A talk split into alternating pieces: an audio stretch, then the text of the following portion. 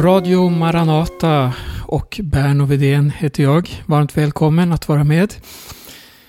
Kriget i Mellanöstern har varit centralt i nyhetsmedia allt sedan den 7 oktober då Hamas drog in i Israel med sina terrorister och utförde en massaker på fler än 1200 människor. Däribland barn, kvinnor, äldre och dessutom så tog man fler än 200 personer som gisslan. Det här var startskottet på en av de mest våldsamma konflikter som vi har sett under senare tid. Det som händer i Israel, det gör att man eh, vänder blickarna till Guds ord. För att Israel har en historia som utgår ifrån Guds ord. Vi läser om eh, patriarken Abraham och framåt och så ser vi en utveckling till hur det sedermera bildas en nation som får namnet Israel. Och eh, under hela historien så har vi sett konflikter. Det har varit stridigheter om landområden. Eh, vilket land tillhör vem och så vidare. Och det här kommer att fortgå. Bibeln ger eh, tydliga signaler om att just den här platsen på jorden, kring Jerusalem, kring, kring eh, ja, den här regionen där det judiska folket har eh, fått sitt land.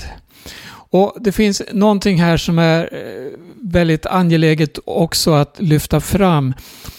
Det är det att det finns inget folk i historien som det judiska folket som har överlevt så mycket förföljelse.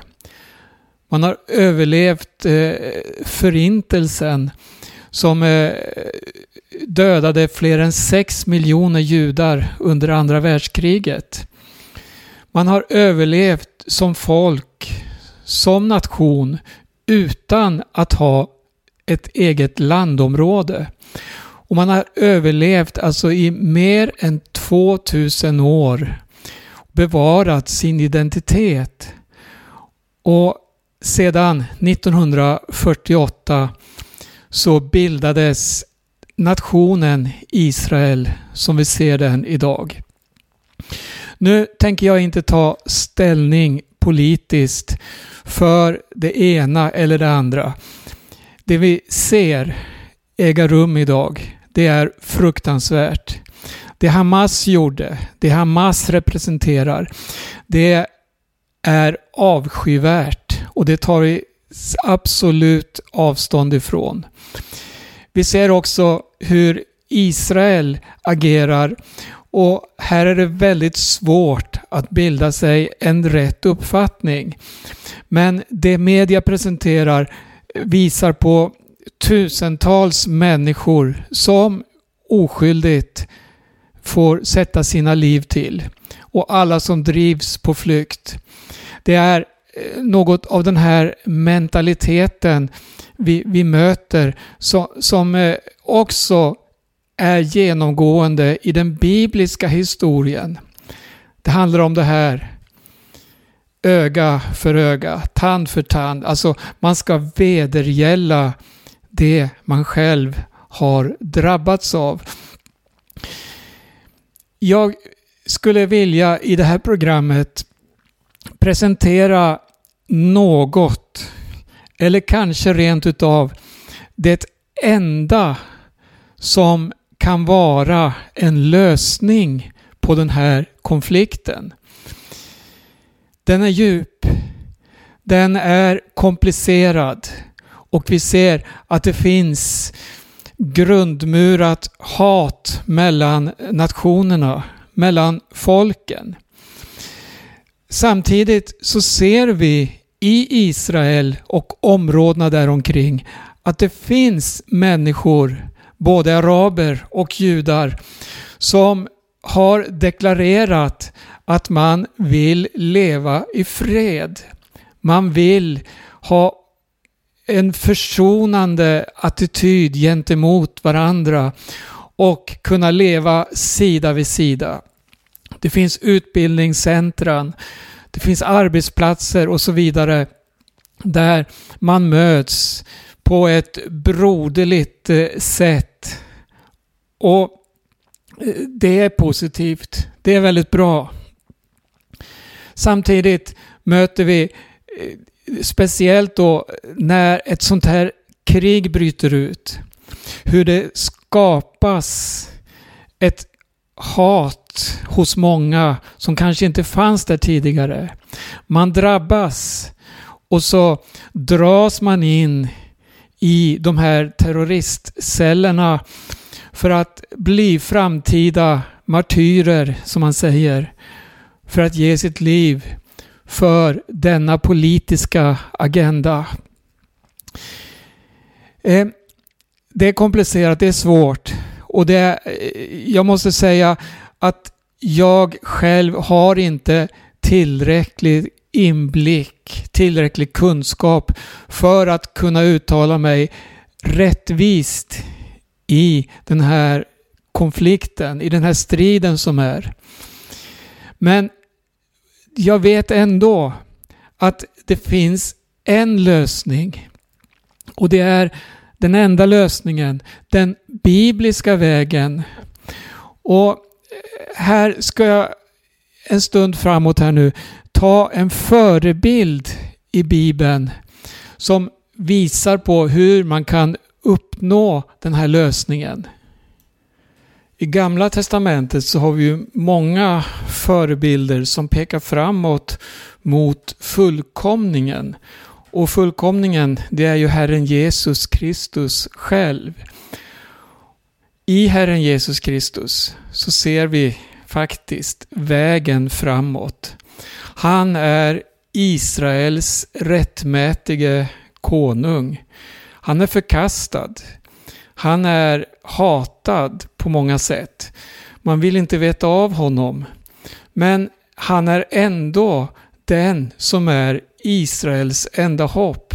Och inte bara Israel, utan hela världens hopp. Alla folk, alla nationer, alla olika människor som finns på denna jord har sin lösning i Herren Jesus. Och det här sträcker sig bakåt Eh, ända till Abraham där vi kan läsa hur Abraham, stamfader till Israel, han skulle bli en välsignelse för alla folk, står det om.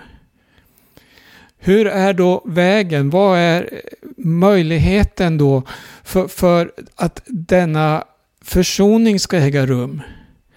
Jo, den finns i Herren Jesus Kristus. Älska dina fiender, sa Jesus. Älska din nästa som dig själv. Det, det finns det här utgivandet och vi, vi ser i Jesu egna liv hur han utgav sig själv. Han led orättfärdigt. Han plågades, han piskades, han fick utstå så mycket hat från sina egna men också från det romerska imperiet och dess eh, hejdukar. Men vad gjorde han? Han uttalade inget hat. Han vedergällde inte med våld. Nej, han visade på en makt som är så mycket större än vedergällningen. Vad handlar det om? Förlåtelsen, försoningen. Eh, jag ska ta en bild i Gamla Testamentet. Det finns många olika personer att lyfta fram, men en av dem som är väldigt speciell, en förebild verkligen på Jesus, det är Josef som vi möter i första Moseboken.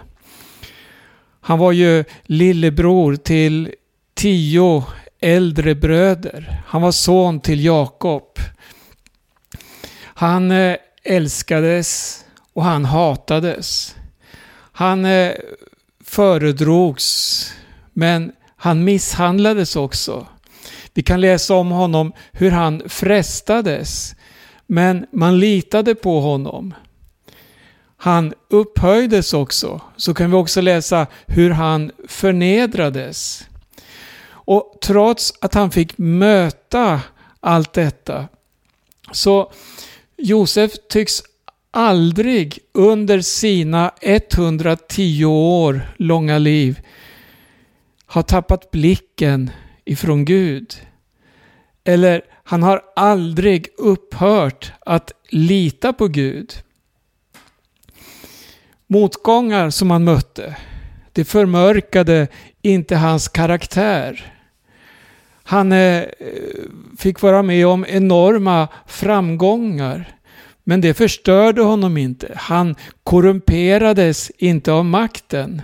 Utan vi kan läsa om, om Josef hur han var densamma i det privata som i det offentliga.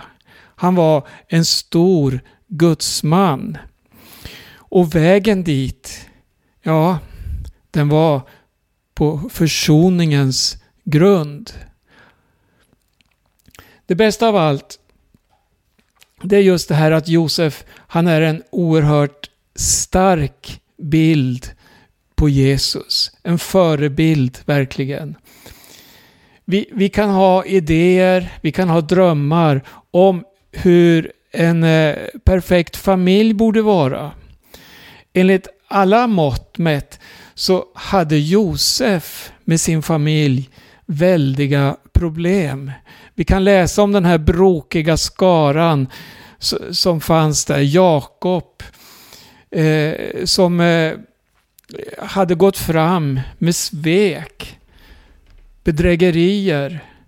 Han hade lurat till sig välsignelsen och förstfödslorätten ifrån sin bror Esau. Och det här ledde till att han fick fly det blev konflikter i familjen och de här konflikterna kan vi läsa om hur de eh, på ett sätt präglade den här familjen. Allt föll ibland samman. Och Josefs far Jakob, han var tvungen att fly för sitt liv när hans tvillingbror hade eh, svurit att döda honom. Eh, det finns mycket att läsa om den här familjen, om Josefs bakgrund. Då. Jakob han fick ju tolv söner och en dotter med sina hustrur. Och vi kan läsa hur det fanns en ständig konkurrens och konflikt bland eh, syskonen i den här familjen. Det var en stor kaotisk familj. Men Josef, läs om honom. Han var annorlunda. Du kan inte hitta något svek eller något ont hos honom i det Bibeln presenterar. Han var ett älskat och ett utvalt redskap för Guds stora plan. Både för den tid han själv levde och för tiden framåt. Eh, Josef han rapporterade sina bröders dåliga beteende till sin far. Och Det här gjorde att han blev väldigt impopulär. Det står till och med att hans bröder hatade honom. Han hade drömmar. Och man kan fråga sig när han var så pass hatad. Man tyckte inte om honom helt enkelt. Man tyckte han var bortskämd. Han var den som hade fått så mycket förmåner som man inte kunde stå ut med. Men varför berättade då Josef sin dröm för sina bröder? Varför berättade han det här för eh, sina föräldrar? Han borde ju ha vetat hur de skulle ha reagerat, reagerat när, när, när han, när han eh, talar om då hur eh, då kärvarna bugade sig inför honom. Och hur solen, månen och stjärnorna bugade sig inför honom. Varför berättade han det här?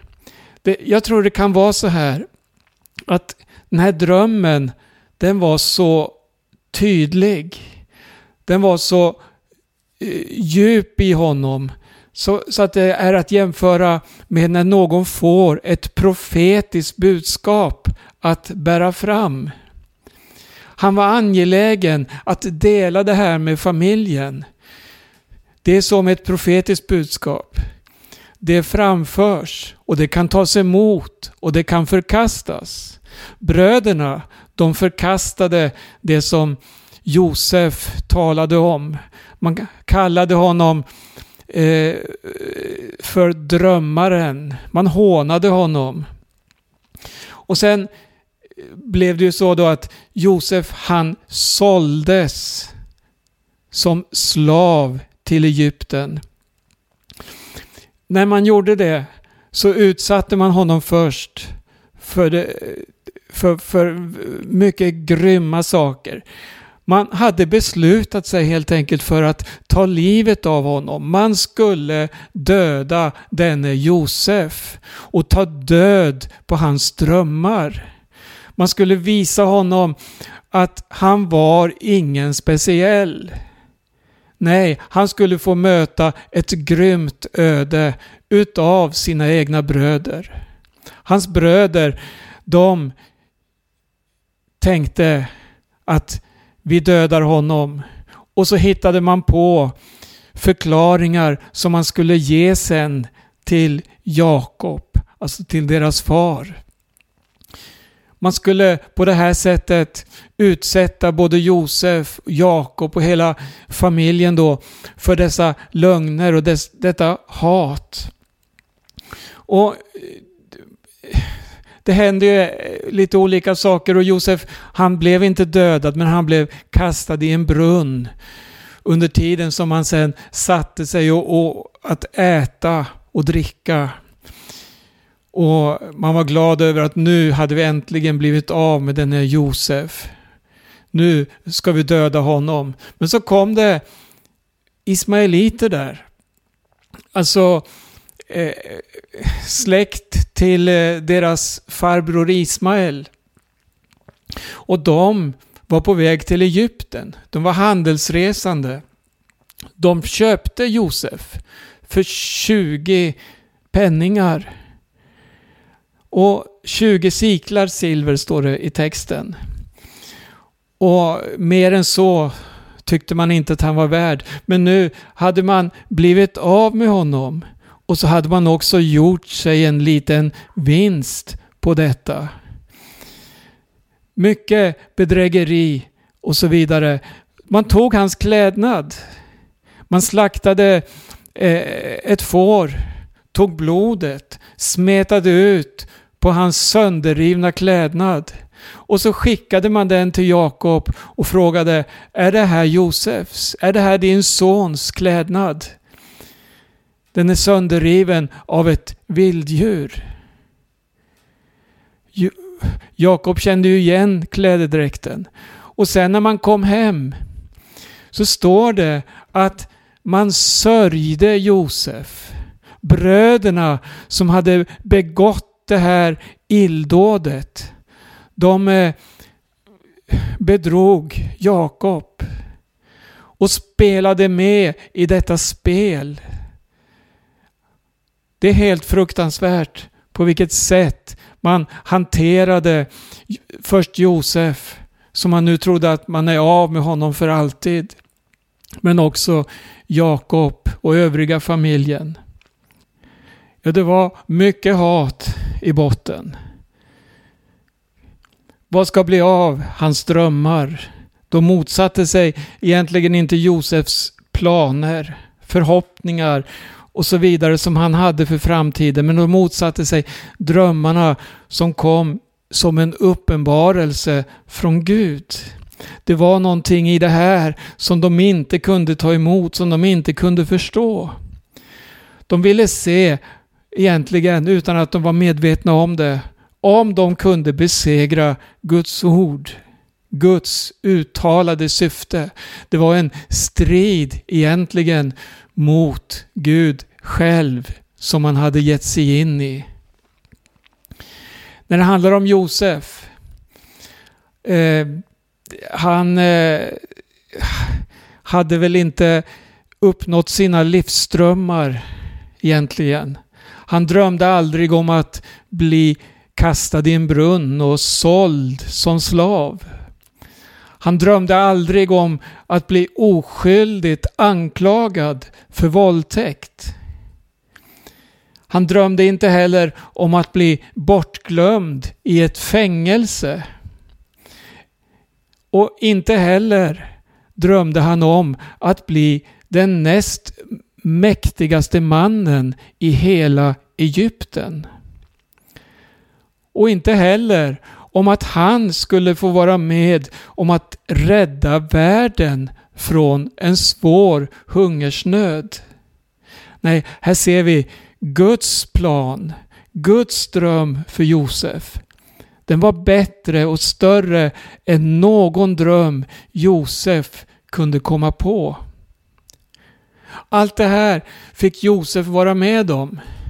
Han kastades ut från sin familj på detta grymma sätt. Han såldes som slav till Egypten, hamnade hos en familj där han anklagades för våldtäkt, kastades i fängelse där han blev kvar under ett par år i varje fall.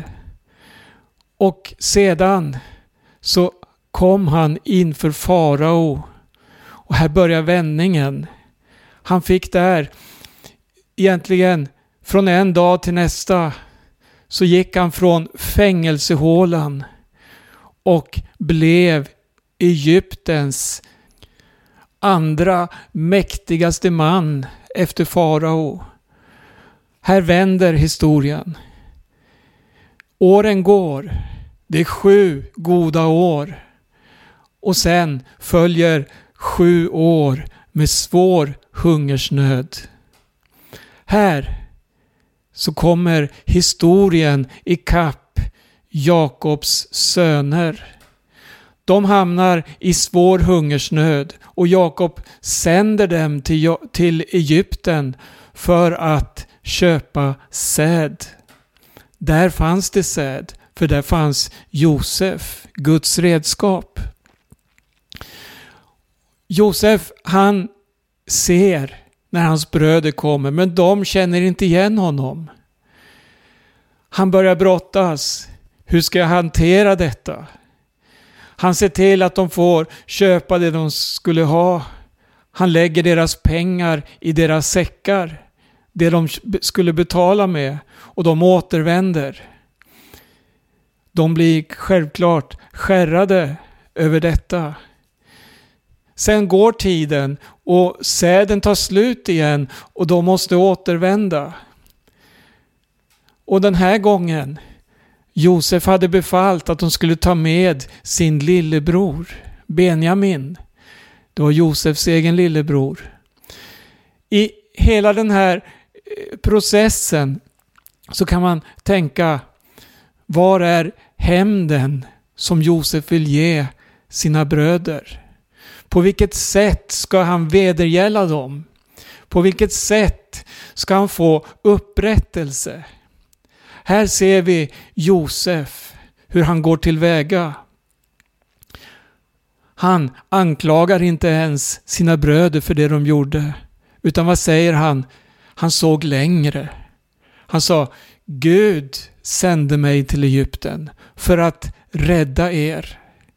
Gud har banat en väg. Och det är anledningen till att jag är i Egypten.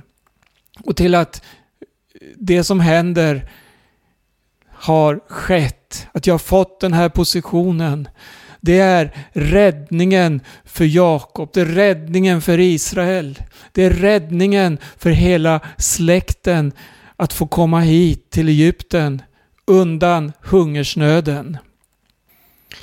Istället för att vedergälla så räckte Josef ut sin hand till försoning. Vilken bild på Jesus. Han som fick utstå så mycket. Han som blev plågad. Han vänder sig till sina plågare och säger Kom. Han vill försona. Han vill ta bort hatet. Han vill ta bort våldet. Han vill ta bort den här ondskan som finns hos människan. Och det är den enda framkomliga vägen för varje människa på denna jord. Försona eder med Gud och med varandra. När vi läser i Nya Testamentet om församlingen så står det att den består av judar och av hedningar, alltså alla andra folkslag. Och det är alltså ett nytt folk som på det här sättet har kommit tillsammans på försoningens grund. Och när det nu handlar om Israel, när det handlar om dessa bibliskt historiska platser, så har Bibeln ett budskap. Den talar om för oss att de kommer att stå centrum för konflikter, för uppgörelser av de mest grymma slag. Folk kommer att få lida på olika sätt. Men det är inte slutet. Slutet, när det närmar sig, då står det så här. De ska se upp till honom som de har stungit. Här ser vi vad som är frälsningen för Israel. Vad som är frälsningen för det judiska folket. Det är samma som det är för oss var och en. Det är Jesus Kristus, den korsfäste. Han som gav sitt liv. Han som har försonat oss med Gud genom sig själv, genom att ge sitt eget liv. De ska se upp till honom som de har stungit. Vilken dag! Vilken försoningens och upprättelsens dag. Då finns det ingen makt från vare sig Hamas eller någon annan stat som har på sin agenda att förgöra Israel. Nej, då är det slut på dessa strider. För då man ser upp till honom som har blivit stungen, som har blivit korsfäst. Då kommer det att ske en förvandling av en helt annan kaliber än det vi kan se idag i den här världen. Jesus är svaret. Jesus är världens enda hopp. Jesus är den framkomliga vägen för såväl Israel som för alla andra nationer. Vänd om till honom. Låt Jesus förvandla ditt liv och där har du en utgångspunkt. Där har du början till ett liv med framgång. Ett liv med en framtid. Han skapar i oss ett nytt hjärta. Det här handlar om, som Jesus sa, att vara himmelska medborgare. Jesus sa, mitt rike är inte av den här världen.